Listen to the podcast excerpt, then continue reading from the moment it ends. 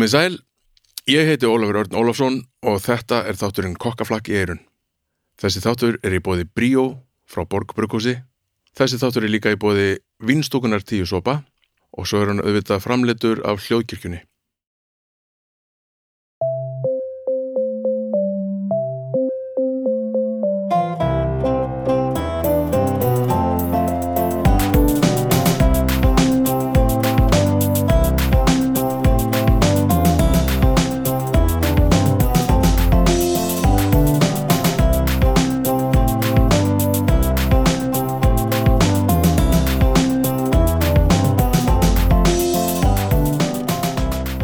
Komið sæl og góðan dag og veriði velkomin í Kokkaflakki eirun. Þetta er þáttur nummer 19. Nú erum við búin að gera 19 þætti. Það finnst mér nú bara dálítið gott hjá mér sko. Og, og, þeir hafa nú allir verið fjölbreyttir og ég er búin að fá, dálítið skemmtilega viðbröð við síðast þætti. Við rakka nagla, það var gaman.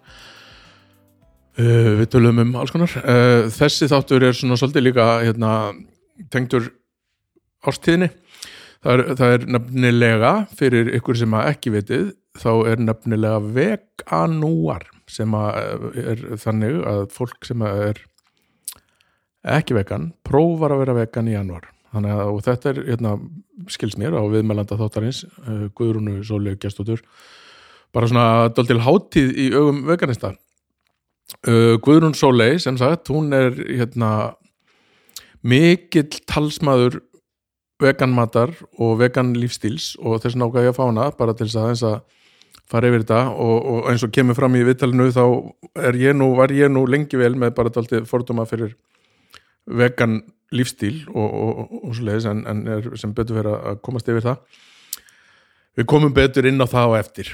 Guðrún hefur, hérna, þið þekkja það náttúrulega sennilega, hún er hérna, sér um menninguna á rúf og hérna búin að vera mikið í útverfinu og gerði grillþætti á rúf og svo gaf hann út mjög flotta vegan matuslubók sem ég kviti ykkur til þess að bara skoða ef þið hefur áhuga á vegan mat og bara hvort sem er, bara frábær matuslubók mjög skemmtileg kona og yndislega gaman að fá hann að hinga til mín í spjall. Uh, já, já, ég hef nokkuð að vera að tala meir um það? Heldur bara að renna okkur beint í viðtali sem ég átti við Guðrunu Sólegu hér í bakhúsinu á vinstúkunni Gjör þið svo vel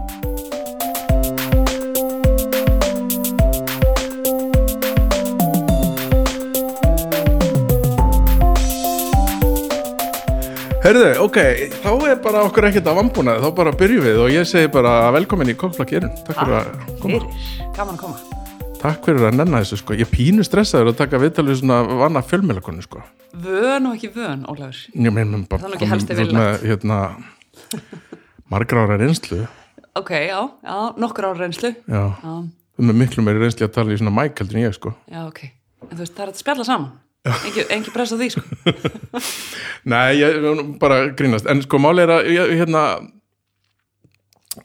Þetta er mataþáttur Mhm. og þú ert foodie. Aha, svo sannarlega.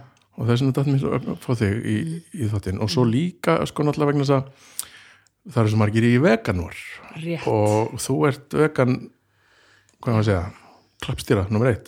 Ég er svona pínu pínu vegan. Já. Já, svona óbærilega mikið vegan kannski í hugum margra.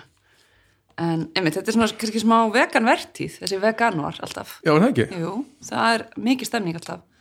Og þetta er svona, mér er svo gaman að sjá fyrir komundan hátíðanum hvernig hérna hvernig margir hafa undirbúið þetta vel. Er það? Já, maður sér það sko veitingastæði bæjar eins og Vestlanir og svona bjóða upp alls konar nýjungar í þessum mánuði og hann þykir henda vel til að kynna alls konar nýja rétt á matsælum eða samsetta sæðla eða eitthvað svona veislu trít fyrir veganista og þá sem eru bara að taka þátt í þessu í einn mánuð eða sem það er sko. Vegan curious, er það já, náttúrulega eitthvað? já, heldur byttur að vera veganforvitin áhuga saman um þetta eða opinn fyrir þessu, hvernig sem það er sko. þannig að það er gaman að lifa í janúar skal ég segja Já. Já, er það? Þá bætast við í, í flóruna vörur og alls konar Já, og ég lít svo á að það sé mín sko heila skilda að prófa þetta allt saman Já, ég, ég bara verð, skilur og þannig að fyrst að ég trúi svona æðislega mikið á þessu hugssjón að verið að fara fjandakotni og kaupa þetta og, og hérna kjósa með kortinu mínu alltaf þess að geggju vegan valkosti. Já, þannig að ég er bara svona svolítið að bugast þannig að ég bara sitt og get uh, allan í janúarmánuður ok, það er alveg hægt að gera leiðileg hluti sko. Rétt, en aðtöðu, hann kemur á eftir öllum desembermánuði þar sem. Já, ég gerði já, heldur ekkert annað en að sitja í þetta en ég fagna þessu, þetta er bara yndislegt. Ekkert að þessu, Hvaðan, sko, setjum að sviðið bara. Jeps Hver er Guðrún Sóleik gestur? Hvað, hérna, sko, hvaðan hvaðan kemur þú og hvernig stendur á því að þú lendir í þessu matar ást Já, góð spurning sko. Ég, að, sko, ég er að vestu bæri ekki aukur fór svona eitthvað ömurlega og ófrumlega leiði gegnum lífið sem margir gera, Vesturbæskóli, Hagaskóli, MR, Háskóli Íslands, Bibli með smá viðkomi í Barcelona ég bóð þar í tæft ár mikilvægi kapli í matarsögunni sko. Algjörlega, hvað varst að gera í Barcelona? Uh, ég tók ár þar eftir mentaskóla til þess að læra spænsku. Fór í háskólan í Barcelona og hérna lærið það spænskuna og tók nokkur aukafög með því en var líka aðlega svolítið bara þú veist að prófa að búa einn í útlöndum og stór hlut af því og það var nefnilega kannski svona, svo ég skjótið inn í, það var svolítið skemmtlegt að þeir eru út 19, eða 20 og ert flutt í nýja borg sem þú þekkir ekki og þekkir engan og Já, fórstu bara alene það? fór alveg býrði í einhverjum svona háskólakampus með fimm ókunnugum. Þá var rosa gott að hugga sig smá með mat. Og ég gerði það mikið. Og þar svona kannski styrtist svo afstæða mín til matar hvað hann getur gert mikið fyrir mann. Þú veist að það það einhvern veginn að búa, eh, þú veist, stundum að elda mér eitthvað kunnulegt að heiman eða einmitt svona að hafa eitthvað til að hlakka til eftir skóla af því þá get ég prófað eitthvað nýjan veitingastað eitthvað nýtt tapas eða eitthvað. Um Já, svona, þetta er svona, hvað, mér vantar íslensku fyrir komfort, hérna einhver svona Já, þæginda já, hugunar matur einhver, já, já, nákvæmlega. Og það sem læt mann liðast betur og fari manni kannski einhverju örgstilfinningu en já, það var Barsi síðan kom ég heim og ég fór og lærði bókmentafræði í Háskóla Íslands Mhm. sem var voða, voða gaman. Og fór síðan að vinna sem blaðamaður og um, byrjaði að vinna í Rúfa á fréttastofunni. Mhm. Og svo hef ég unnið í ansi mörgum deildum upp á ríkisúndurpi og endaði að lokum í menningunni þar sem ég vinn núna. En veganstúsið mitt hófst fyrir svona fimm árum kannski ekkert kannski, ég varð vegan fyrir fimm árum síðan. Já, sko, já, ok, ég nefnilega ákvað fyrir ekkert, ok, við skulum bara setja sviðið mín megin líka, Aha. en þess að það er ekkert langt síðan að ég hætti að, hérna, á ákvað, ég þurfti alveg að taka, sko, svolítið harða ástöðu, að ég var bara svona vegan, hvað maður segja, uh, fordómfullur, Aha, á, sem er, hérna, bara tildulega algengt í mínum bransa, mhm, og þetta var svona, uh, veist, eitthvað, fólk að koma og panta eitthvað sem er ekki á matselum en eitt fokking vesenið. Já, og svo ákvað ég, þú veist, og svo var ég alltaf þegar ég hitti fólk sem að var hérna vegana græmitsettur, þá var ég alltaf í þessu, á akkuri, veist, og þannig að ég þurfti bara virkilega bara, og gerði það, sko, og, hérna, og hef gert það, og er að reyna að vera betri maður þar, að virkilega bara ákveða að það kemur mér ekki við, já, um mitt mér, það kemur mér ekkit við, af hverju þú kýst að borða öðru ég, Aha. og mér finnst að við ættum fleiri að tilhengu okkur þetta. En af því ég er að fá þig hérna í þetta þá ætlum ég samt að spurja sko hvernig stendur á því að ferða þessa vegferð sko? Um mitt uh, það er, held ég að geti verið merkilegt fyrir einhver, einhver fólk sem er að pæla í þessu sko. Það er líka svo mikið atriði af því að það eru svo marga brýr inn í þetta dót og hver og ein brú hefur sínar sérstöku forsendur. Og þær get, geta skipt sköpum í því sko, hva, hvernig þú nálgast matinn þinn og alla næringuna þina og fyrir mína parta þá er þetta aðalega eitthvað, e, e, þrjár brýr sem sagt, það er annarkvort umhverfsöndarsökum sem Já. þú ákveður hver að gerast vegan eða heilsufars ástæðum Mhm. þú séð einhvern veginn að þjónar þið betur að, að sleppa dýraverðum Mhm. hvað heilsufars nertir eða af dýravelferðar ástæðum og það er minn, mín brú Já, inn í þetta, af því ég er rosalega dýravinnur og hef allar tíð verið í bara svona sogast að dýrum. Og mér líður eiginlega hvergi betur enn í þeirra félagskap og hérna, ég er bara mjög hænd að öllum dýrum. Mm.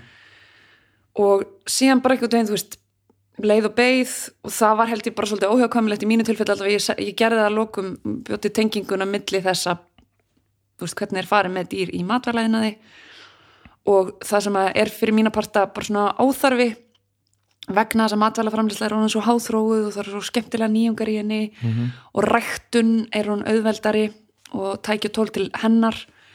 E, þannig að það bara veginn meika ekki sens fyrir mig að kalla mig dýravinni sömu andra og ég var að borða dýr eða afurðir þeirra.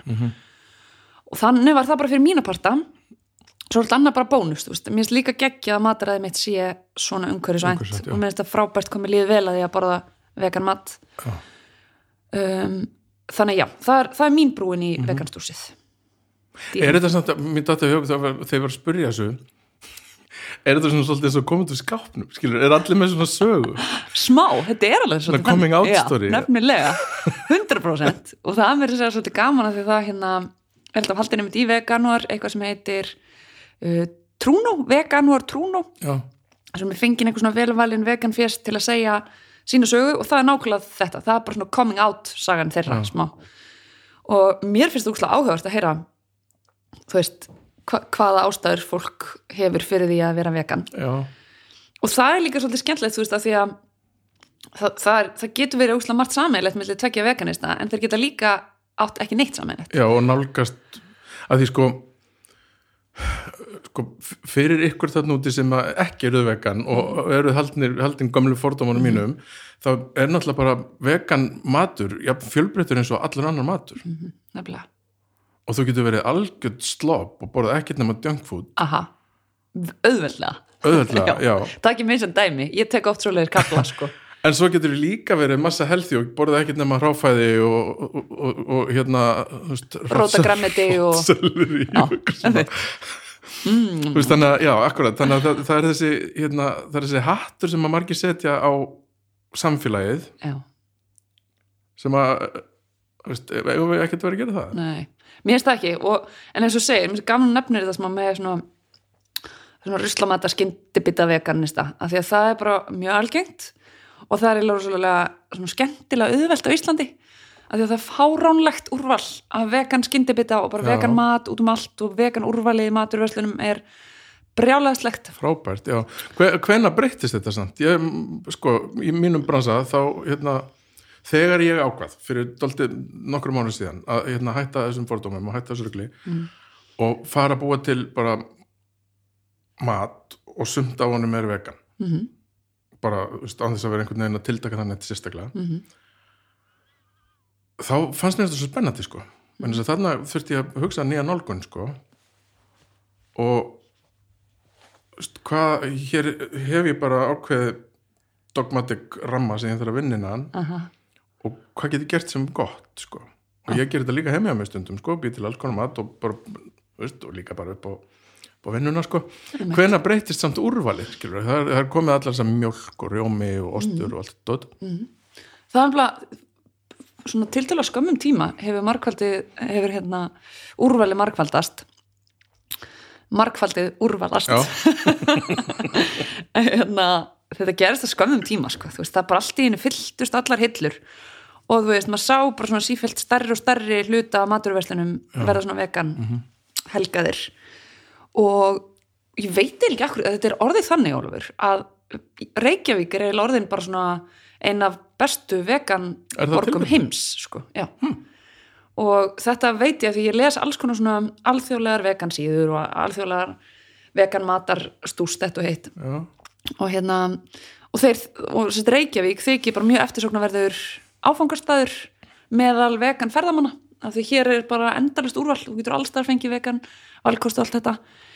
Og þú veist, fyrir mína parta þá sko, eru kannski svona skýrustu skilin þegar að þú ert farin að geta keft þér, þú veist fjórar tegundur af vegan majónesi í hagkaup, Já, þú veist. eða þú getur, farað, þú getur valið þar heil, heil fristikista með þú veist 15 tegundum af alls konar borgurum og hakki og bollum og dóti. Þú veist, út í bara standard maturveislum þá er gaman að lifa Já. og þá er líka auðvelt að lifa En hvernig, þú veist, þegar þú ákvæmst að fara í þessu leið, var þetta erfitt? Var þetta, tók það á einhvern veginn að, Nei, það var nefnilega skýtlétt Já, ok. satt segja, en þú veist, þetta ég var náttúrulega tók svolítið box standard ferli held ég með því að byrja á því að vera hérna, eitthvað peska fjess, Já. peskaterjan síðan var ég græminsræta og svo enda ég á vegan og það gerist mitt í veganúar. Fyrir e, fimm árum síðan. Þá bara tók ég veganúar og það var ógislega gaman og skemmtilegt. Og einmitt eins og lýsir þú veist að því að í mínum huga eru, eru matrislumenn miklu listamenn. Uh, og þá ertu bara með nýja litapalettu til þess að gera, þú veist, skapa eitthvað úr.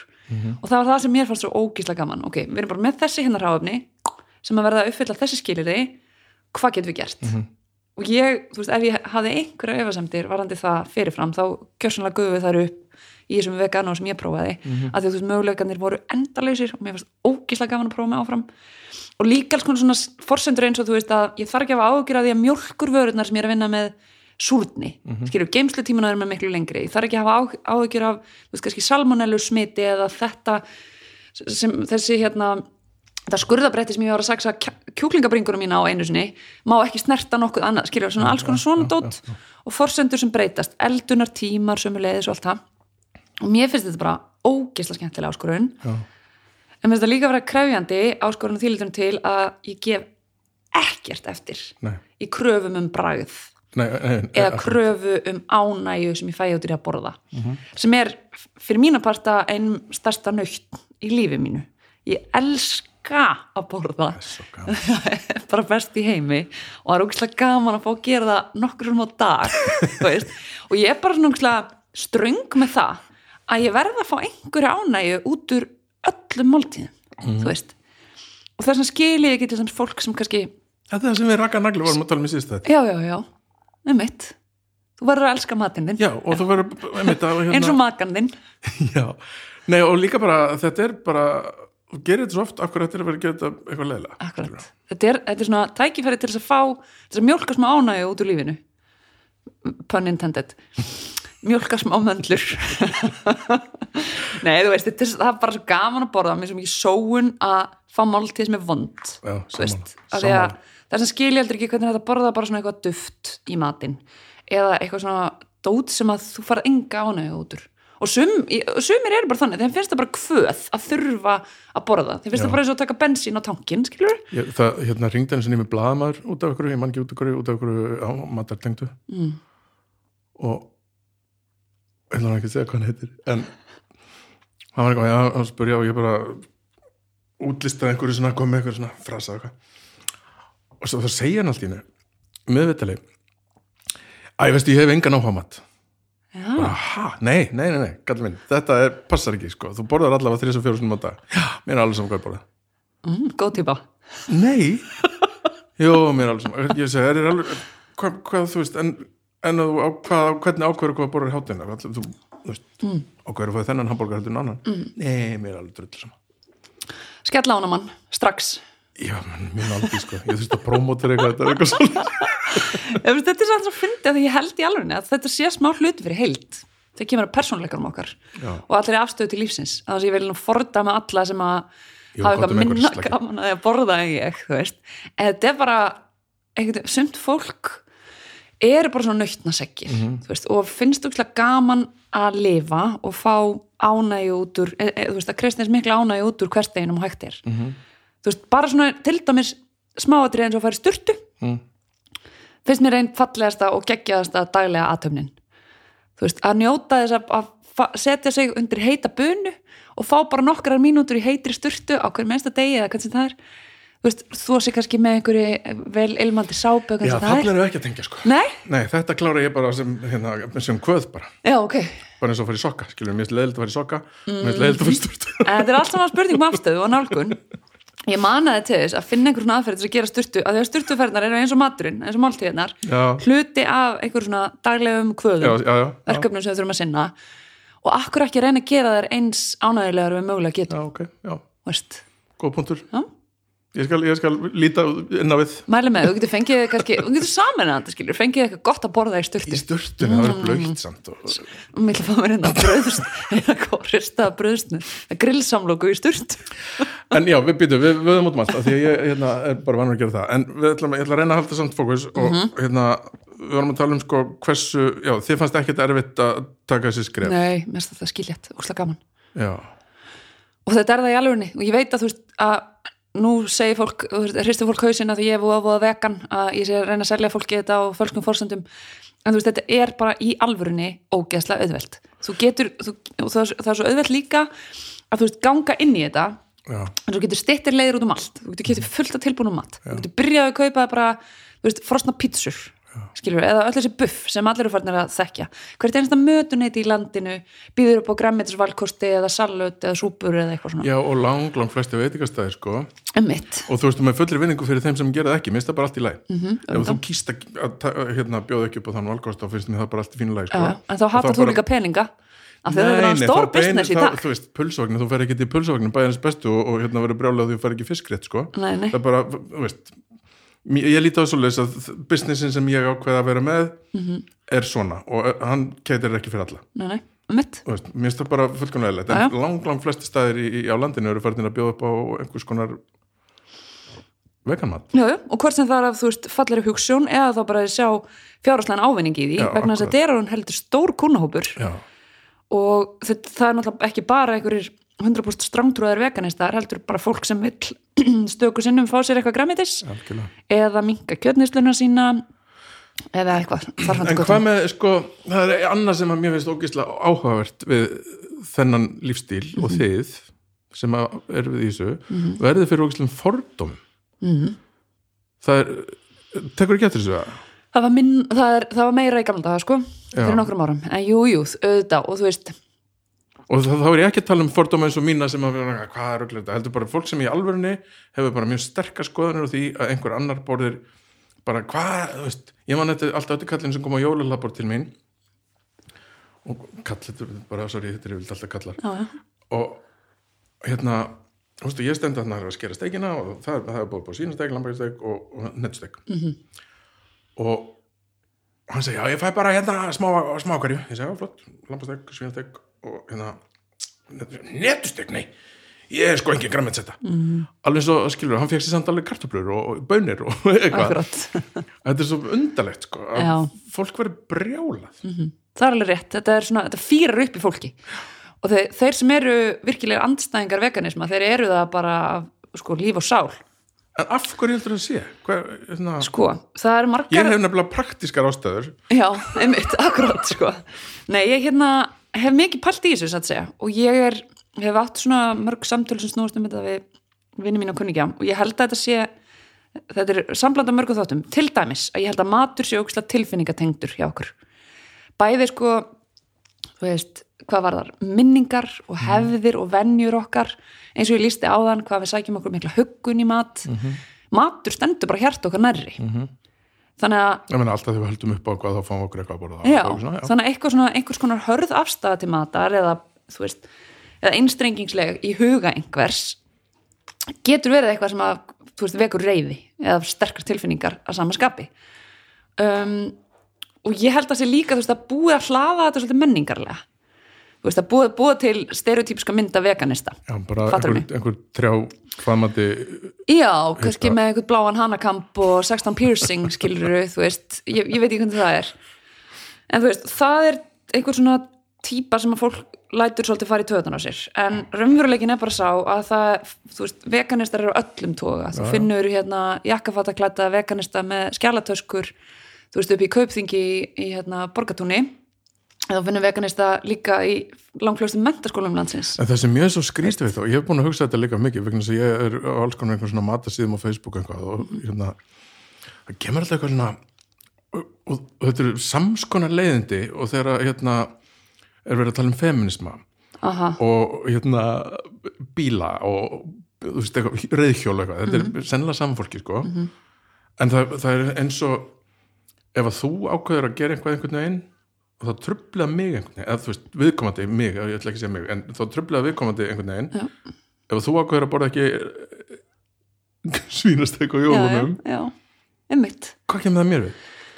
Ég veit það, þetta er alveg rétt sem þú ert að lýsa og svona er þetta að miklu leiti um, og eins og ég segi, ein skýringin er til dæmis svo að það sé einhver samviska að tala til fólks, að þetta sé í rauninni, það sé rótin að það fari smá í töðunar á fólki að aðrir taki afstöðu sem þú veist innst inni að er rétt.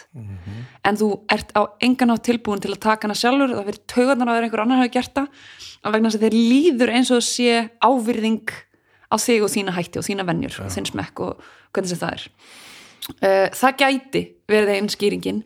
Önnur skýringin, það er gaman að skulir nefna feminisma og nafn hérna vegna þess að ég held líka að það eigi rætur smávegis að rekja til annara svona, eh, svona samingis sem matur stundum settur í. Og það er bara það, það þykir matsjó, það er eitthvað svona kallmennsku hugmyndir í kringu það að borða kjöt og borða blóðu og steik og kannski þú veist villibráðið, það það það er einhvern veginn tengt við kallmennsku eða svona maskulinitets hugmyndir að borða æðislega mikið kjöt.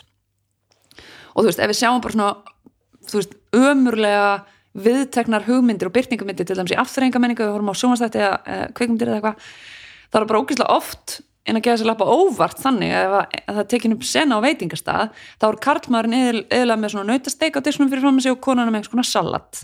Og þannig er þetta bara konur sem að eru syngt og heilagt einhverjum svona heilsu hugleðingum borða bara sitt grænmeti og það er bara eitthvað sem konur gera en karlmennir þurfa kjötið sitt til að næra vöðvana sína en þú veist, þetta er náttúrulega fullkomlega úrelt shit. Og þú sér það líka bara unga fólkinu og þeim er drull um einhver svona kynjaskiptar pælingar með mat. Þau borða bara það sem þau vilja það sem þeim finnst make a sense. Þú veist. þannig að ég held að tíminn sé svolítið með okkur í liði. Ég held að sífælt fleiri muni átt að segja því að þetta er úrelt dæmi og, og þú veist það er á engan hátt það, það, það er lítil glóra í því að tengja kallmennskuna sína við kjöt átt finnst mér allavega. Ég, ég er 100% sammála sko. Já, en þetta er samt bara svoleiðis og nú er ég búin að vinna á veitingustöðum bara allar minn hunds og kattið sko. Já, og það er bara samt í alverðinu svoleiðis að kallinn panta sér kjöt og konan panta sér fisk. Ummitt eða salat já, svolítið merkilegt sko. Og þú veist- kallinn fæ sér bjór og konan fæ sér kvítin Já, þetta er, já og mér finnst þetta, ég pínu fíla að storka þessu dóti, sko, þú veist. Og hann að, að ég, mér finnst þetta algjör drugl og þetta líka festir í sessi alls konar annan miskilning um æ, veist, bara svona rugglað afstöðu til matar mm meðal fólks. Og konur eigi eiginlega vera að borða eitthvað sem er hita einhver snöytt og holt en kallar hafa miklu meira rými og miklu meira leifi til þess að borða og leifa sér. Ég, mér finnst þetta mjög áhugaverða pælingar. Við fórum aðeins í þetta í síðast þetta líka, ég var að ganagli og Mhm. bara, hérna, bara mjög svipa pælingar sko. en það er ekki, það, ég er ekkit mér er ekkit brjáluslega upptekinn af þessu en mér finnst þetta bara samt svo áhugavert Já, þú veist, ég er kona, en ég borða þunga, þunga seitansteik með vegan bernisósu. Þannig storka ég þessu. Já, en hvað, hérna, svo nú er, þú veist, komið svo mikil tækni í þetta, það er, hérna, veist, sennilega bara einhverjum tveim, þreim árum, er hægt að framleiða alls konar líki Einmitt. sem að verður betra. Jöp, Það er meiri sér til vegan osta líki sem er ekki einu sem neitt sérstaklega vond, sko. akkurat. Vegan ostur var náttúrulega viðbjöður. Já. Þannig til fyrir mjög stuttu síðan. Og mér finnst það svo leðilegt, það var svo margir sem prófið veganost fyrir svona 2-3 árum þegar Já. það var sko bræðalust plast sem bræðunaði ekki og hlýtti engu og bara ómögulegt. Já, en það hafa voruð svo rosalega vatnaskill í þessu, þú veist, það voru bara flinkustu sternælisfræðingar heims settir í Já. það að þróa eitthvað veganost sem er núna bara orðin delicious. Ógíslega, ég er svo mikil ostakona sjálf. Já. og hérna, Já, var það það sem þú saknaði mest? já, já. Það er eiginlega það er eiginlega, já, það er það sem ég saknaði mest. Ég smir osti út á alla hluti og ég elska bræðaost og nota hann bara í allir svo mikið. Ég vil helst ekki eiga ostlausa máltíð þannig að þú veist, ég er bara í því að heila hálfa dagana að prófa einhverju nýja veganosta. Og þeir eru orðnir svo margfald betri en þeir voru þannig ég, ég byrð fólk um að gefa svo annars séns eða á svona vonda veganosta minningu. Það, þetta, þetta hefur batnað, trúið mér, Já, batnað ég tek undir það, ég bara, ég var þarna, bara hvað rugl er þetta, við gefum með plast í matinu eitthvað, en svo bara til, þú veist, fullt, þetta Violife dót er frábært, sko, Já, þessi kasjú ostar, þessi möndlu ostar og ég kom með svona hefð hjá sjálfur mér alltaf ammálstæmin á hverju ári. Þá gef ég sjálfur mér gjöf að fara í veganbúðina, það sem er mest áralega af þessum ostum, þeir eru með sér innflutt þetta og hitt, pínu dýrt sumt að þessum, en krónan er sinni svo líka mjög vel, já, króna, akkurat. Krónan er alveg á lási og, og, hérna, og fleiri góðir, en ég fer á ammálstæmin á hverju ári þá fer ég og spreða í veganosta og ég bý til, við erum að tala um sko, ok, ekki 20.000 en næstu því, Já. og ég bý til sko geggjaðan ostabakka fyrir sjálfa mig með svona 7-8 tegundum af veganostum og ferskum fíkjum og geggjuðum sultum og þú veist, öllu þessu sem gott er að borða með, með hérna ostum. Þannig já, gefum veganostum annan sjans já, ég sammála, ég skal taka undir þetta, ég, þannig er ég líka búin að bakka með mínu fordóma, bara því að ég er búin að smakka fullt af alls konar dóti, sko, Einmitt. Og og að nota benni, ég vil líka nefna ég var með svona fordóma fyrir bara stuttu síðan. Eða þannig, veist, ég man í gamla dag þá, þá hérna fyrir að var talsvægt yngri, þá var ég eitthvað svona hafði ég afstöðuna, ég var svo grönnmeitisætur alltaf svo gráar og gugnar. Það er alltaf svona glærar og litin og með bauga niður og nafla og, og augljóslega bara svo svangar alltaf og, og hérna, þjást svo miklu næringaskorti pluss að mér fannst þetta svona Þetta að vera áður en þú dóst skrefið já, rosa mikið, sko að, en ég hafði Þú veist, mér finnst þetta bara ógst að skrítin afstæð að vera græmitisætt og mér finnst þetta svona bara frekjuleg serviska þú veist. En síðan þú veist, af því að ég er í þessu af öllu hjarta í dag þá svona get ég ekki skilin hvernig ég gætt haft þessa afstöðu af því að þú veist, þeir sem hættu að borða kjöt voru að því flestir til þess að vernda dýrin og bjarga nokkur um lífum á ári og tala fyrir hönd þeirra sem hafi ekki rödd til þess að tala sem eru dýrin, sem eru lókuðin í matvælæðinaði Já. sem brotið er á og þau eru pínt upp okkur einsta dag, þannig að ég ætla nú að fara ómikið í þá sólma, en þú veist, mér bara eftir á ekki þá sé ég hvaða fordómi ég hafði og þess vegna skil ég ógislega vel að þetta lifi hér og þar í samfélaginu okkar ennþá. Og það veri bara mjög ósangjant að mér að ætla fullri hörku að fordæma þá sem hafa þess að fordóma mm skilur við, af því ég var hann einu sinni sjálf og ég skil vel að þú veist það er ímislegt, ímislegt svona matarleik serviska sem ég lætt var í töðunar á mér enn þann dag í dag. Þú veist eitthvað, fólk sem er matvant og neytur að borða þetta og hittu og eitthvað sem bara drulli ósangjant af minni hálfu. Já, bara svo finn kom samt aftur bara- þessu bara, mér kemur ekki til hvað þú borðar. Nei, nei, ég veit það, en þú veist, auðvitað er þetta svolítið flóki og ég get ímyndað mér, þú veist, ef maður er fagmaður í þessu, þá hlýtur að vera fucking flóki að setja saman matseðil sem þjónar þeim sem eru glutenfríir og þeir sem eru á keto og þeir sem eru vegan og þeir sem eru já. þetta og hitt, skilur Já, já, en svo er þetta líka bara afstæð þú þarft í rauninni bara að taka þessi ákvörðin Já, bara á, á sama hátt að þú ákveður að vera með veist, einhvern, einn fiskrétt og annan kjötrétt og eitthvað. Já, þetta er bara ákvörðin sem þú þarf að taka og þegar þú ert búin að taka hana þá vinnur þú bara með hana skilurðu. ég akkurat. líti á það minnstu kosti. Akkurat. Fallegt, Já, þú veist, ég held það sko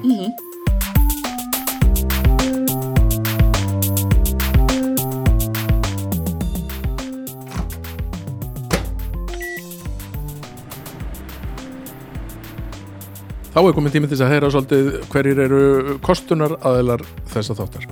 Þessi þáttur er nefnilega í bóði Bríó frá Borg Brukusi og ég sitt hérna og tek þetta upp og drekk uh, óáfengan Bríó sem er Bríó nr. 75 sem að stendur á dósinni að sé alkohol free wheat ale sem að þýðir að hann sé áfengislaus kveiti öl. Uh, hann er mikið humlaður, mikið bragð á honum og uh, eftir því sem mér skilst á þeim félögum hjá Borg Bruggúsi fyrsti bjórin á Íslandi sem er bruggaður áfengislaus og hefur þetta mikla, mikla humlabragð. Þeir sendu þennan bjór út í keppni, í bjórkeppni og þessi bjór vann kategóriuna besti áfengislausi bjórin og mér finnst bara mjög gaman að fá tækifæri til þess að segja fólki frá þessu vegna þess að hann er algjörlega frábær. Hann er með hérna uh, humla sem heita Mosaic og Citra og Hallentauer Mittenfrý og er nefndur eins og hinn Bríó sem er með áfengi eftir honum hérna Stengrim í Eifjörð sem var kallaði Bríó og var fastakonni á Ölstofinni og uh, tók þátt í þróun á Bríó gamla góða sem við þekkjum þetta svo vel. Og þessi bjóri er nefndur eftir honum því að honum fannst svo gott að vera Bríó síðan er það þannig að þessi þáttur er líka í bóði vinstúkunar tíu sopa og af því að við erum að tala um vegan mat og þessi þáttur er vegan þá er ágætt að benda á það að vinstúkan tíu sopar er með mikið úrval af vegan vínum og tölvert úrval af vegan mat. Við erum til dæmis, talar hún Guðrún Sólei í þessum þætti á eftir um vegan kjúklingasamlokuna sem við erum með hér sem að hérna, er orðin fræg um allan bæ. Uh, við erum sem sagt bara lítið kósi vínbar á lögaveginum sem að sérhafi sig í náttúruvínum og vínum frá smáframlegundum og bara góður í stemmingu. Hlakka til að sjá okkur fljótlega á vínstúkunni. Síðan er algjörlega mikilvægt að minnast á það að þessi þáttur er nefnilega framleitur af hljóðkirkjunni og hljóðkirkjan er reglífa fyrirbæri sem heldur utan um sex hlaðvörp sem að raðast upp á eftirfarandi hátt og koma út eitt á dag alla virkadaga nú á mánudögum er þátturinn domstagur og á þriðjudögum er kokkaflakk og á miðvíkudögum er Draugar fortíðar á 50 dögum er Snæbjörn tala við fólk og á föstu dögum kemur besta platan og nei hættu nú alveg. Þið getur hlustað á hljóðkirkjuna allstaðar þar sem að þið náið í ykkar hlaðvör. Og að því sögðu finnst mér við hæfi að við klippum aftur inn á samtalið okkar Guðrún og Sóljar.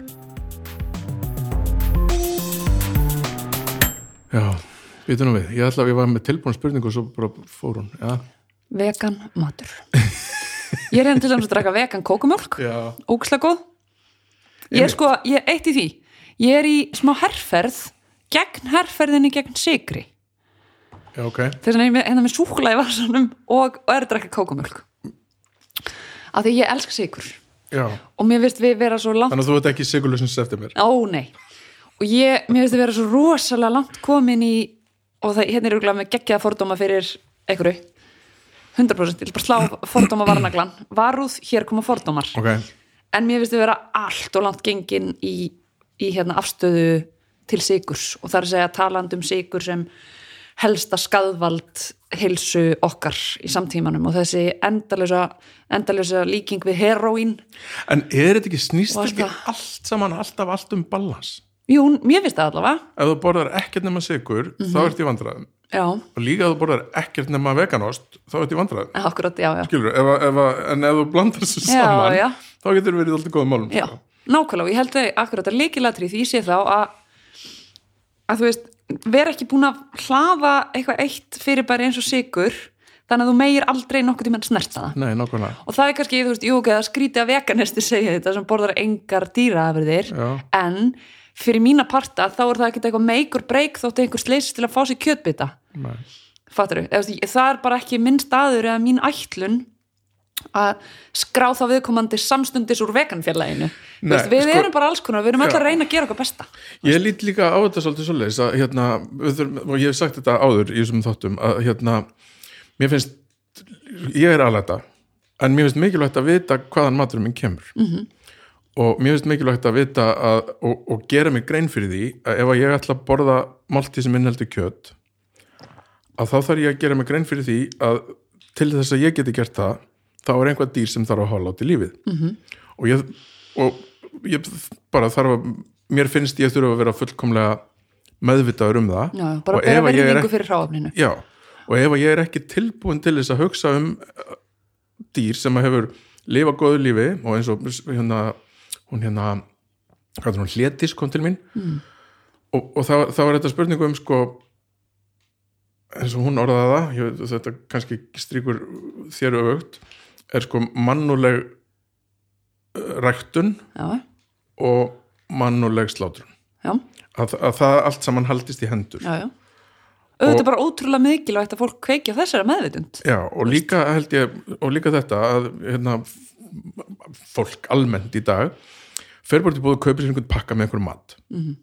og pælir ekkert í því að þarna var dýr, það var líf. Akkurat, sem var látið til þess að þú getur fengið þér eitthvað gott að borða Já. og þetta finnst mér mikilvægt að við hugsum um sko. já, ég er sammála og þú veist, og ef að þetta hérna, stríkur röfut, ef að þetta er eitthvað sem að þú ert ekki tilbúin til þess að vita þá áttu ekki kjött Akkurat, en, það, en þú veist, þetta, þess vegna verður þess vegna er þetta bara kollektív afneitun sem á sér stað, þú veist, Já. fólk veit þessar hluti, fólk veit að þú veist, þetta þetta stykki sem það kaupir í vakumpakka út í súpermarkaði það var einu svona dýr, en það kýs bara að hunsa það staðar, en það kýs að leiða hugan ekki að henni, Já, ég held líka að markasöflin svolítið sko auðvitað.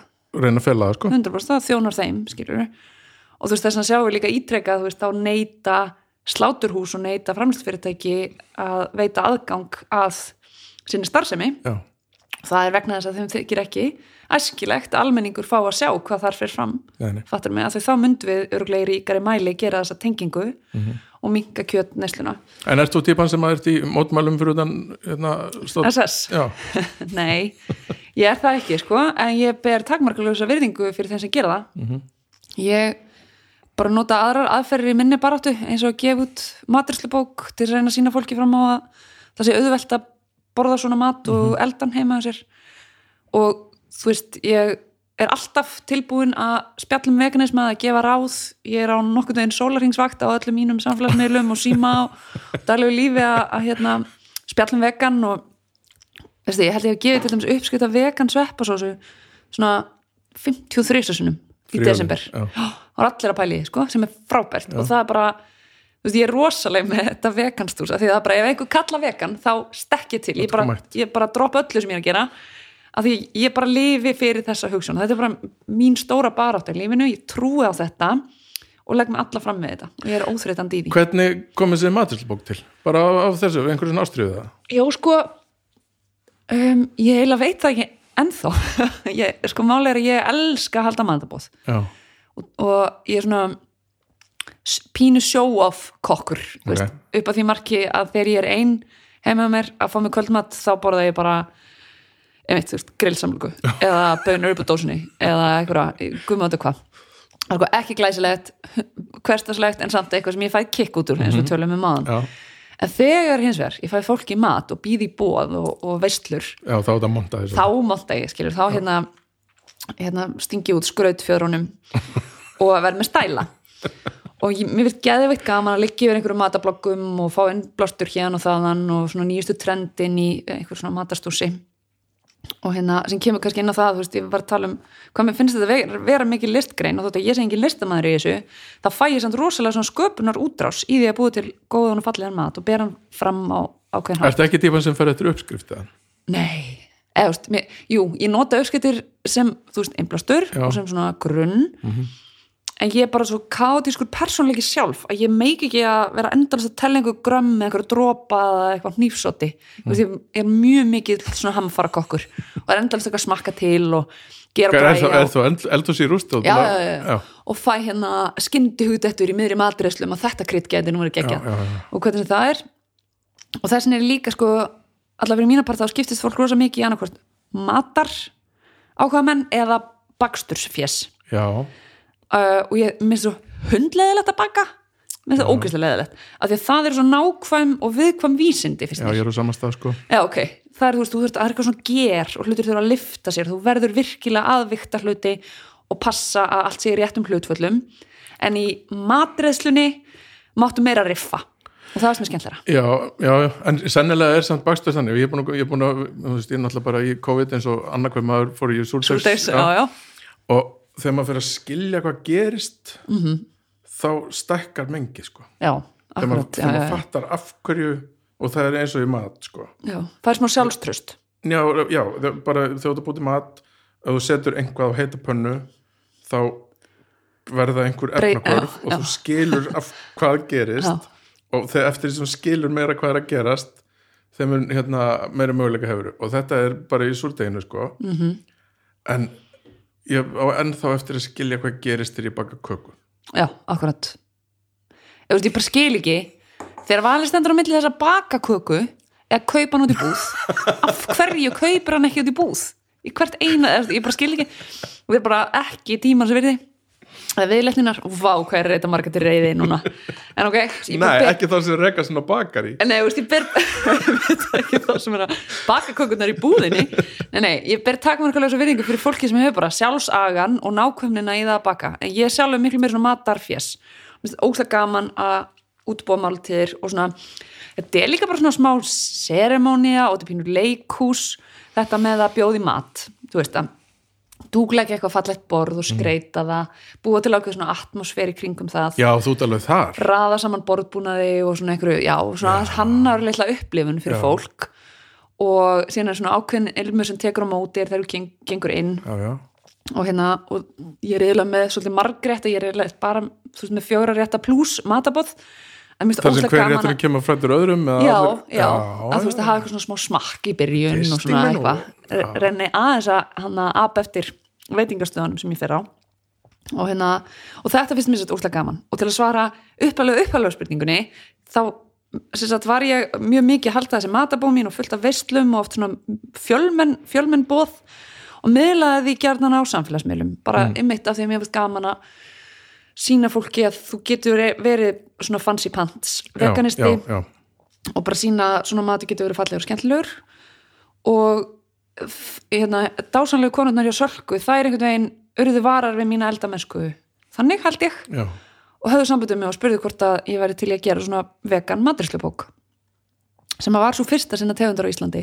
Var Sola ekki búin að gera eitthvað svona? nei, ekki 100% vegan nefnilega. Nei, og hann að uh, skal ég þér segja, já, þannig að þannig kom það til uppalega og þá bretti ég upp ermar. Já. Hvernig er að skrifa maturslubók? ræðilegt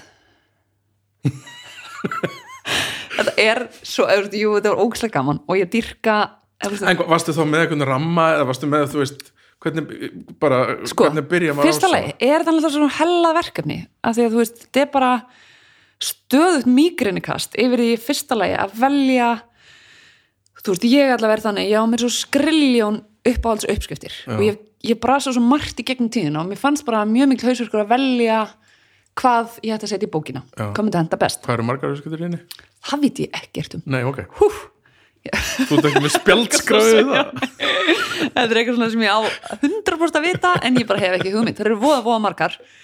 En hann að, nei en síðan er þetta bara þú veist, þetta er alltaf veist, eins og ég segi, mér þykir svo fáránlega vænt um svo bók og mér þykir svo vænt um ferlið. Þetta er líka falleg bók, sko. Takk fyrir það. Að, en þetta var veist, að, að gera svona dæmi sko, veist, að, að, eins og þegar það voru komin tökudagar þegar ég var loksins búin að komast að niðurstöðum hvaða uppskriftir rötu í bókina þá þurfti ég að fara að prófa þeir allar og svona tvíka til stilla þetta af og breyta þessu hinnu og skrifa hjá þér hvert salt af nýrsóti sem það settur upp í. Akkurat. Og, og svo þurfti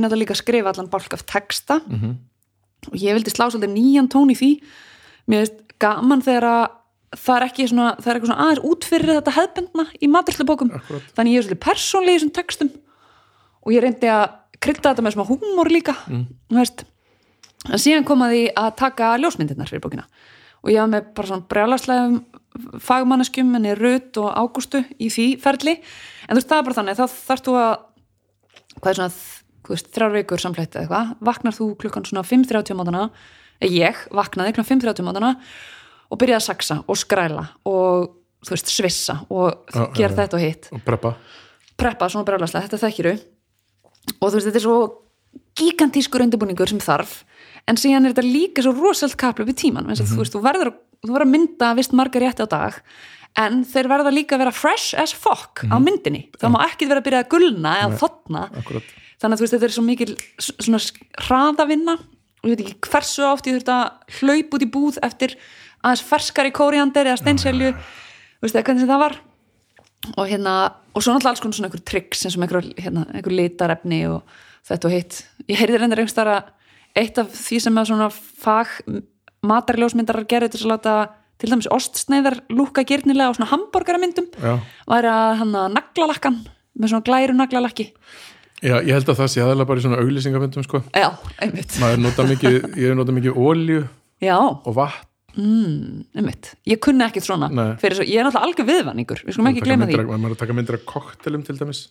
Já, og þú spreyjar vatni utan á glasið. Ok, það eru töfrar. Svona tricks kann ég ekki. Minnst þetta mjög fróðlegt, skemmtlegt en þannig já, það var svona pínu hellu vinna að taka þessa bók, þetta voru svona þú veist, 14 tíma tökudagar þú veist, og svo fór ég hérna sólarhinsverslun um miðja nótt til að kaupa ráefnið fyrir næsta tökudag þar á eftir til þess að væri allt saman eins ferst og hægt er. Og þetta var svona mikil kersla en svo þú seldist hún vel þannig að það er hérna, allavega eitthvað reward á endanum. Já, já, eða þú veist, og mitt náttúrulega stóra, mín stóra umbun fyrir þessa bók og þessa vinnu er þú veist, að, eins og ég segi ég stend ekki fyrir utan slátufélag Suðurlands með skildi og ég er ekki, þú veist, þessi svona kannski þekktari útgafa af einhverjum aktivista. Já. en þetta er samt minn aktivismi Já. í þáu vegan. Það Já, er, þú ert ekki hinn herskái armur. Nei, ég er svona eitthvað aðalega borgaralegur aktivisti skilur, sem kemur bara og gefur út bók. En hann að en já, og þess vegna þykir mér ógustlega væntum hana og ég er stolt af þessari bóka því ég held hún hafi, þú veist, vonandi allavega náð því markmiði og svona aðeins að kveikja á nýjum perum með fólki Já. og gera þetta örlítið meira aðlagandi eru önnur? Nei, Veistu, ég er bara ég er svo buguð. Nei, ég er bara ennþá að jafna með eftir þetta. En hann og mér er líka, er ekki bara alltaf smart að bara gefa út eina bók og láta það resita jú, já, jú, jú, bara mjög flott sko. Já. En svo varstu líka með svona einhverja sjónvarsstupa í, í sumar? Já, einmitt, það Grill- var nú bara flip. Já, bara kanni, eitthvað svona grillstús. Hérna, gr grilla með guðrúnu. Já, grillrún, grillrún gólei, eitthvað Nei, það var bara til að hafa gaman og, og hérna og akkurat þar var nýjar fórsendur skilur að taka, þú veist, veganamat og setja hann bara í samingi við grill Já. og taka einhver svona uppáhalds grillrétti fólks og veganisera þá. Já. gaman þegar eitt gestur kom með surf and turf. Og ég átti að veganisera það sem er sensilega í nautalund og humar. Ok, það er það var áskorun. Hvernig gerum við það? ég, við frístæliðum bara eitthvað rugl maður Seitan og, og já, nákvæmlega. Svo tók ég þara já, ok, einmitt. Og notaði þara til að gefa svona sjávarbragð og svona kannski einhver fjarskildur ættingi Já, humars mega sensant sko. Já. Ég fikk einu sinni, hérna, það er eitthvað áhugaversta sem ég borðað af því að ég hafði aldrei smakað áður síðan ég fengið hérna, það var hérna vegan kavjar já, sem var búin til úr, úr þara. Já, svona þangperlur Já, sem eru seldar í IKEA Er keft, já, þú getur keft sko geggjað geggjað svona rauðan og svartan kaviar í IKEA. Og þetta er sko ótrúlegt þetta er bara, þetta er í alvörunni nákvæmlega eins og fyrirmyndin. Já, og ég gerir glíni já. með þessu, veist, þá, þá baka ég bara baka, reyndar. Sjálf bara svona blíni og nota sýrðanrjóma frá ótlei lauk, náttúrulega, og þessar þangperlur. Já. og þetta er bara blíni á heimsklassa, vil ég Þetta meina er sko. nefnilega, ég fekk þetta á hérna einhverjum missilinstaði í Berlín sem að er græmyndistæður sko. Já, þeir nota potið ekki íkæða perlunar Nei, nei, nei, þetta var allt saman heimundabúið og ég var bara var mindblown, þetta var svo Já. ógeðslega áhugavert á bræði sko. Einmitt. Þetta eru geðvitt, svona einhver fríkuð þróun og svona framþróun, þetta er svo framústefnilegt og nýtt allt saman. En hvernig er að, veistu það, kannski ekki? Hvernig er allt þetta allt þetta líki, úr hverju er það búið til til dæmis, skingu líki og Já, mitt, sko farmaskingu soja er uppistan í rosamörgu já, þú veist að þægilegur efniviður og soja hefur haft svolítið vond orð á sér en já það það er er bara eitthvað svona umhverfis og Já. mönd, möndlur og, og soja sem að Já, en mér skilst það sko soja allavega bæði svona helsta gaggrinin á soja sem hráefni hinga til hefur verið mitt umhverfis áhrifin og um, heilsufars áhrif einhver átt að hafa einhver uh, áhrif hormonastar sem þetta hefur allt verið leiðir rétt og dreigð tilbaka Já, ok. Þannig að þetta er ekki, þú veist, þetta er bara frábær frábært hráefni já, en það er auðvitað aftur, koma aftur að þessum furðulegu fordómum Já, eitthvað sem að já. fólk kasta svona fram sem Já, bara svona einhverja hugmyndir sem að rúlla af stað og sem getur enginn stoppað þær sko. nei, og þau segir bara nóg og nóg hátt og er nóg margir sem trúi Já, 100% þú veist, ég meina við föllum öll fyrir því og ég sjálfur er hérna helt lengi vel að soja var eitthvað agalegt. En soja er uppstæðan já í mörgu svona. En síðan er þú veist hann hefur verið að gera úkslega skemmtilega til en það líka að gera allar fjandur á havra höfrum Já, um, já öll mjölkin, óli mjölkin og já, allt það já og alls konar sterkja og náttúrulega seitan er líka að nota sem uppstæðum í mörgu svona líki Já. og þessi þróun heldur bara Hvað er seitan? En að útskýra það fyrir mér Æ, ég veit það heil ekki. Það er ekki glúten. Ég það sá ekki? hann, hérna, Kristinn í svoð Já, klúðra seitan. Já. verk. það er ekki úkslega flókið, sko. Ég sé fólkið mitt með þess að seitan tilhörinu heima þessu. Ég ætla bara algjörlega eftirláta fagfólkinu Já, það. Svo seitan meðferðina. Og þú veist, það er útrúlega spennandi og hérna hún Linnea sem var með veganæs lengi vel, Já, hérna neyri bæ, hún kann með seitan að fara. Hún er algjör svona seitan drottning og þetta er bara svona eins og leiri í höndunum henni en eins og ég segi, það er úrst spennandi ráðefni en smá vandu með farið og eitthvað sem ég þarf sjálf bara að kynna mig betur já, Það er angsnöðast eins og kökurnar. Ég ætla að fá hérna hjá þér 2 kíló seitan og eina köpur já, Það er bara köpur mjög gott, máli lært. Þetta er ekki flókið. Hvað borðar hérna hátíðamatt? Hvað er, er, þú veist, er komin einhvern hefð á það eða er alltaf eitthvað nýtt og nýtt? sko, það er, það er alltaf eitthvað nýtt og nýtt. Mér finnst það gaman, netustökin alltaf löngur og svo hverstasleg, hún er bara of boring til að maður beri hann á borðum hátjar með þess að Portobello Wellington veist, sem er eitthvað góð matur Já. en fyrir mína part er hann líka eiginlega orðin of hverstasleg, ég hef með hann í matinn í, í tvö ár. Og þú veist það er ógstlega gott og ég gerir svona með tvisti með einhver svona sultuðum lauk og gráfíkju stússi og okkur osti og alls konar. Ok, en hérna, en þú veist, mér langar bara að prófa nýtt. Svo, þú veist, tökum til dæmis kannski ári í ár sem dæmi að þú veist, ég var að vinna til 11 um kvöld á Þorlásmessu ég hafði bara 0 mínútur til þess að undirbúa jólamatinn minn. En mér finnst einmitt að jólamati verða að vera eitthvað gott og þá að vera eitthvað tilhökunarefni og stússast í því lengi fyrst mér sko. Já. Það er mikilvægt sko. Þannig að ég smurði brauð með majónesi og, nei, djók. Nei, það sem ég gerði var ég fór sko, þú veist styrstur leiðin að þessu í öðru veldi eiginlega og bara kefti mér mat frá listamönnum sem heita Sono Matseljur ok, ég vil ekki eitthvað sérstaklega að plugga hérna en þetta var bara gaddem sex rétta listaverk sem ég fekk hérna. Og hérna og þú veist, ég fekk mér þess að bara valkviða því ég var búin að taka þessi ákvörðun. Veist, ok, ég, ég, ég hef ekki halva mínútu til þess að undirbúa mat á jólunum í ár þannig ég ætla að kaupa, ég ætla að nýta mér eitthvað þeim valkostum sem er í bóði og ég fekk bara smá hnút í magan gagvart öllu því sem stóð til bóða ógísla margir sem voru að bjóða upp á veist, tilbúin heimsendan mat vegan sem sagt, alls konar veisli þjónustur sem voru að auglýsa vegan pakka og vegan þetta og hitt og, og hérna þú veist, það var úr svo mörg að velja að ég lendi mikil í klípu en fekk sérst geggjaða veislu frá þessum dásanlega konum í svona matseljum og þú veist, lifið á því bara eiginlega gegnum hátíðarnar sko.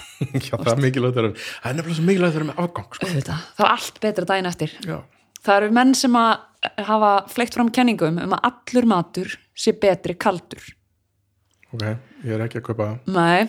en of heitur, ég, er, hérna, ég vil ekki borða of heitan mat sko. sko, tökum lasagna sem dæmi já, betra kalt nei, daginn eftir, úr ískapnum nei, mm, pizza nei ok, þetta er bara Ég- misefnast það er bara kenning. dýbanka þetta allt sko. ok, ég er bara svolítið á þessu sko. en kannski er líka bara mann finnst eitthvað svona smá óvænt ánægja að fara í ískapin daginn eftir og borða einhvern afgang Já. veist. Já, já, sonu minn 11 ára hann hérna borðar Dominos pizzunar í morgumat daginn eftir sko. já, herramanns matur ég held meiri segja, ég, ég hef hann grunaðan um að passa sig að borða ekki á mikið svo hann eigi akkurat, skynnsamöðu drengur en ánum með þetta, mannst ekki líka mér svo eftirminnlegt hann að atriðin í Nigellu þáttunum Í akkurat, þegar hún lættist Nigella fram stelst í ískápin Já. sko. það finnst mér skemmtileg sena Þegar ég tengi mikið á- við það sko.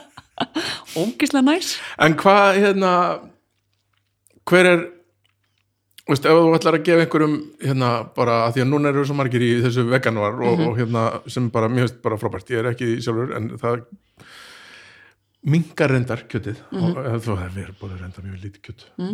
En alltaf en hérna veist, ef að ég er vegan curious og ég ætla að hérna, prófa, hvað, hvað á ég að gera? Hvert á ég fara, hvert á ég að leita?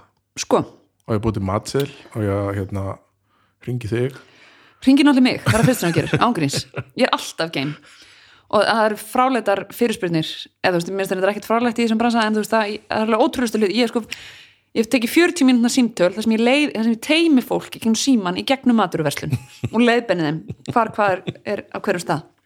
Sko, ég myndi byrja því að fara á Instagramið þitt og followa nokkra vegan reikninga. Já, það er góð byrjun, óslega góð byrjun með þess að um, þú veist til dæmis bara vegan og reikningurinn á Íslandi þar getur þú fundið óslega margt svona og flott og það eru frábærir vegan maturslumenn á Íslandi og, og hérna maturslu áhuga fólk sem er að inspirera mann daglega þar og benda á valkostum er ekki? Er einhver, veganistur. Já, akkurat. það eru frábærar og einmitt, ég held að það sé líka bara helviti góður byrjunapunktur farin á veganistur.is og sjá uppskiptina þeirra.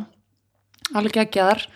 Og það er líka að gera svona hluti þú veist eins og að þú veist, þú getur veganisera karteflusalat það, er- þær gerir það einhvern tíman þú veist, skriljón hambúrgar uppskiptir taka svona standard heimilismat marga á algengustu réttunum sem við borðum svona hverstaslega og erum búin að setja það í vegan útgafu sko ég kaupi vegan majónis mm.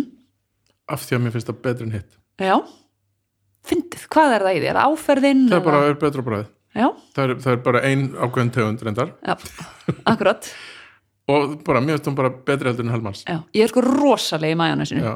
ég, ég drekk það með röri og mér, ég get eiginlega bara ekki veist, mér finnst all, allur matur betri með einhvers konar veg, nei, hérna majónes baseraðari sósu veist, því, ég, ég tek sko vegan majó og set bara pínu kúmin út í og salt Já. og það er bara komið geggjaða sósu, finnst mér. Já, eða svona ídífi fyrir eitthvað snakk. Já, akkurat, og þetta er, þetta er nefnilega það er, veit, bara svo við ekki grípa þess inn í, að fyrir fólk sem er eitthvað hrætt og femið við að hérna, byrja og, að prófa að pró, ég myndi segja byrja á því að gera allt meðlæti sem þú gerir með matniðinu vegan. Um mitt, nákvæmlega fisk, salutin, allt þetta. Það er ekkert mál, það er ekkert stórmál já, allt, allt öll uppistaða og krydd og allt er til. Mhm. þannig að svo getur smám saman minkað hérna. Kjött hlutfalli í máltíðinu einmitt. Og þá líka kannski kemst að því sem ég komst að og allir komast að að lokum er að það besta við máltíð er oft ekki sjálft kjötstykkið á disknum sko. heldur oft er það meðlætið, sósunar, kryddin allt þetta sem er aukalega. Já, og hérna og síðan þetta, að þef uppi bara þegar þú veist, maturvöslunum er svo duglegar að flokka vegan hráefnið sitt frá öðru að, að bara þefa uppi vegankælin í þinni maturvöslun eða hérna vegan hillurnar.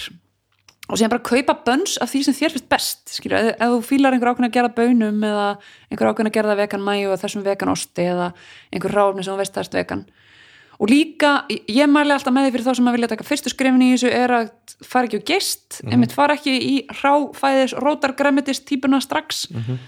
Ef að það er einhvers konar áfangastæður hefur heldur fara bara að finna bara svona hreint ígildi þess sem þú ert vanar að borða. Þú veist, þú veist, mikið í hambúrgarunum að kaupa bara buffin þú veist, ef þú veist mikið í kjúklingi að kaupa umf þetta, hérna, Beyond Meat? Já, ég, er þetta er þetta, þetta er framtíðin já, sennilega er þetta framtíðin og það bara, fyrst ég smakka þetta ég átti ekki til orð, Mhm. þetta var svo líkt kjöti. Þetta, og hérna, ég bjóð einu sinni til hambúrgarastað og mér langaði að setja Beyond Meat í, í burgerinn af því að mér finnst það best sko.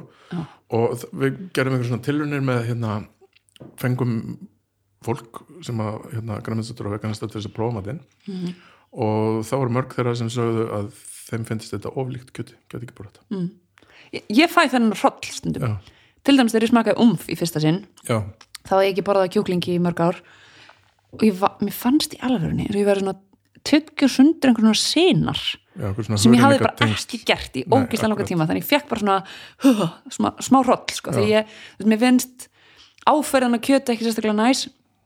Og þetta er sama með Beyond Meat maður bara svona eitthvað, þarf að doppultekka og trippultekka hvort að það hefur nokkuð eitthvað rugglast en hérna, sko, ég ætla að koma með smá dæmi sem er ekki hendulega yfirlýsing og þetta er ekki sponsorað og þetta er ekki gert í ljósi aðstæðana en til dæmis væri var einn sniður kostur fyrir fólk að fara á vinstúkuna Já. og fá sér er góð sko. Og, og hún er góð, mér dreymir þetta á næturna hún er geggjuð. Já, en þetta er sko, já, já, og, og þetta er bara eins og, eins og við vinnum, skilur við, bara, þú veist, eina mæjuna sem við notum hérna í eldur er hérna, vegamæjó. En má ég bara, sorry, að því að þessi kjúklingasamloka er í alvörunni, þú veist, bara inntakið í draumunum mínum á næturna hvað ertu með í henni?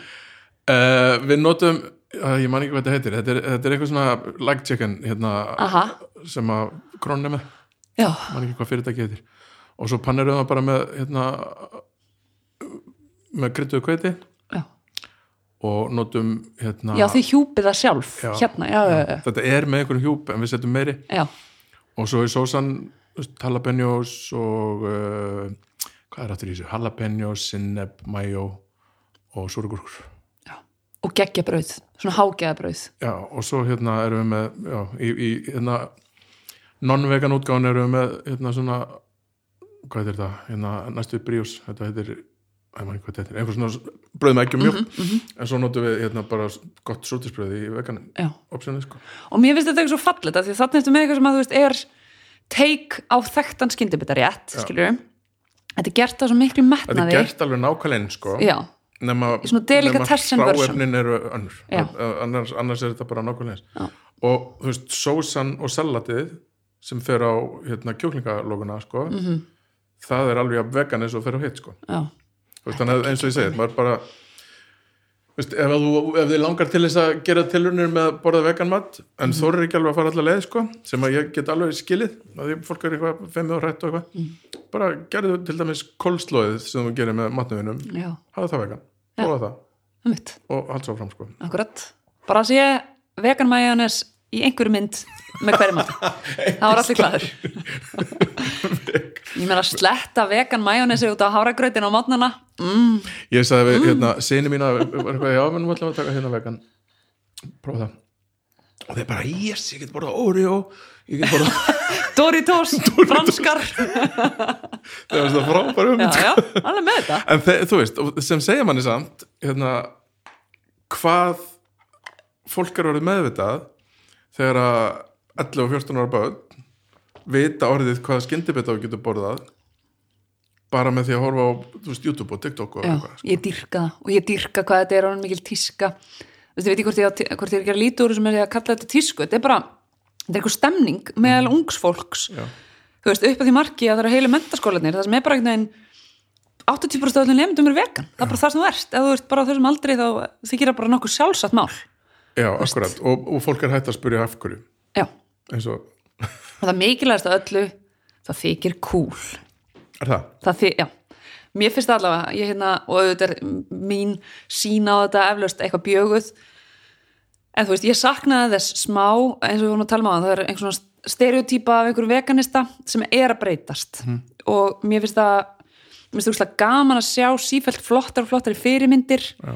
þú veist, hvað snertir einmitt bara Íþróttafólk. já, íþróttafólkið og afþreyingriðnaðin og áhrifavaldar og samfélagsmiðlum og hvað eru að gera það cool að vera vegan. Mm það, það er svolítið komið í tísku og ég held að þið ekki svolítið svona edgy og smart og cool að vera vegan. allavega meðal sumra hópa. Ég þarf að fara að breyta þessu, mér langar svo að vera cool sko. þú ert sjúklega edgy og cool. Já, en það gerur eða vegan kjúklingarsamlóku come on. Já, Já, já, já, já.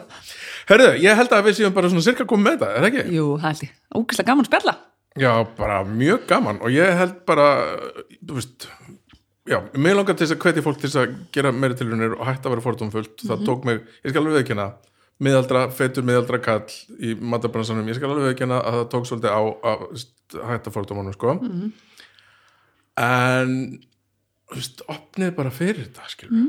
þetta er ekkert svo skadalegt og ég meina það er líka bara geggja skref að taka. Um leiður stóðum svona bara forröðunum þetta, eða opinn fyrir þessu skilja, og sýnir þessu ákveð umbörlendi Já. þá er halvur sigurinn unnin fjandinn hefða þetta meira áttur 100% Herru, takk fyrir að koma. Takk fyrir og mig, gleðilegan veganor heldur betur.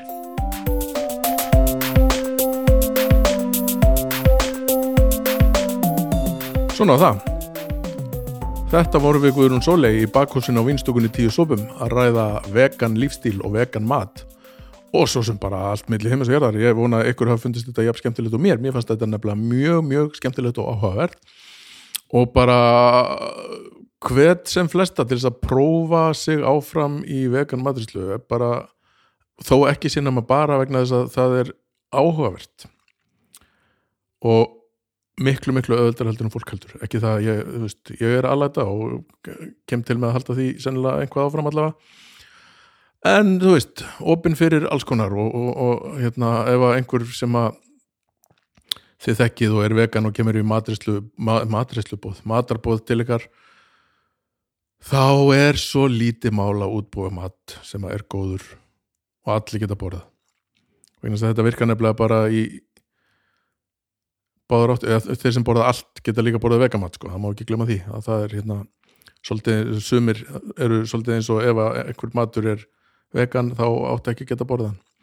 En það er náttúrulega alls ekki svo lis uh, áður en ég hætti og kveð í þessum átjónda, nei, nei, nei, nei, nei, alls ekki átjónda, í þessum nítjónda þætti kokkaflags þá finnst mér algjörlega við hæfi að minnast á þætti hljóðkirkjunar að vanda.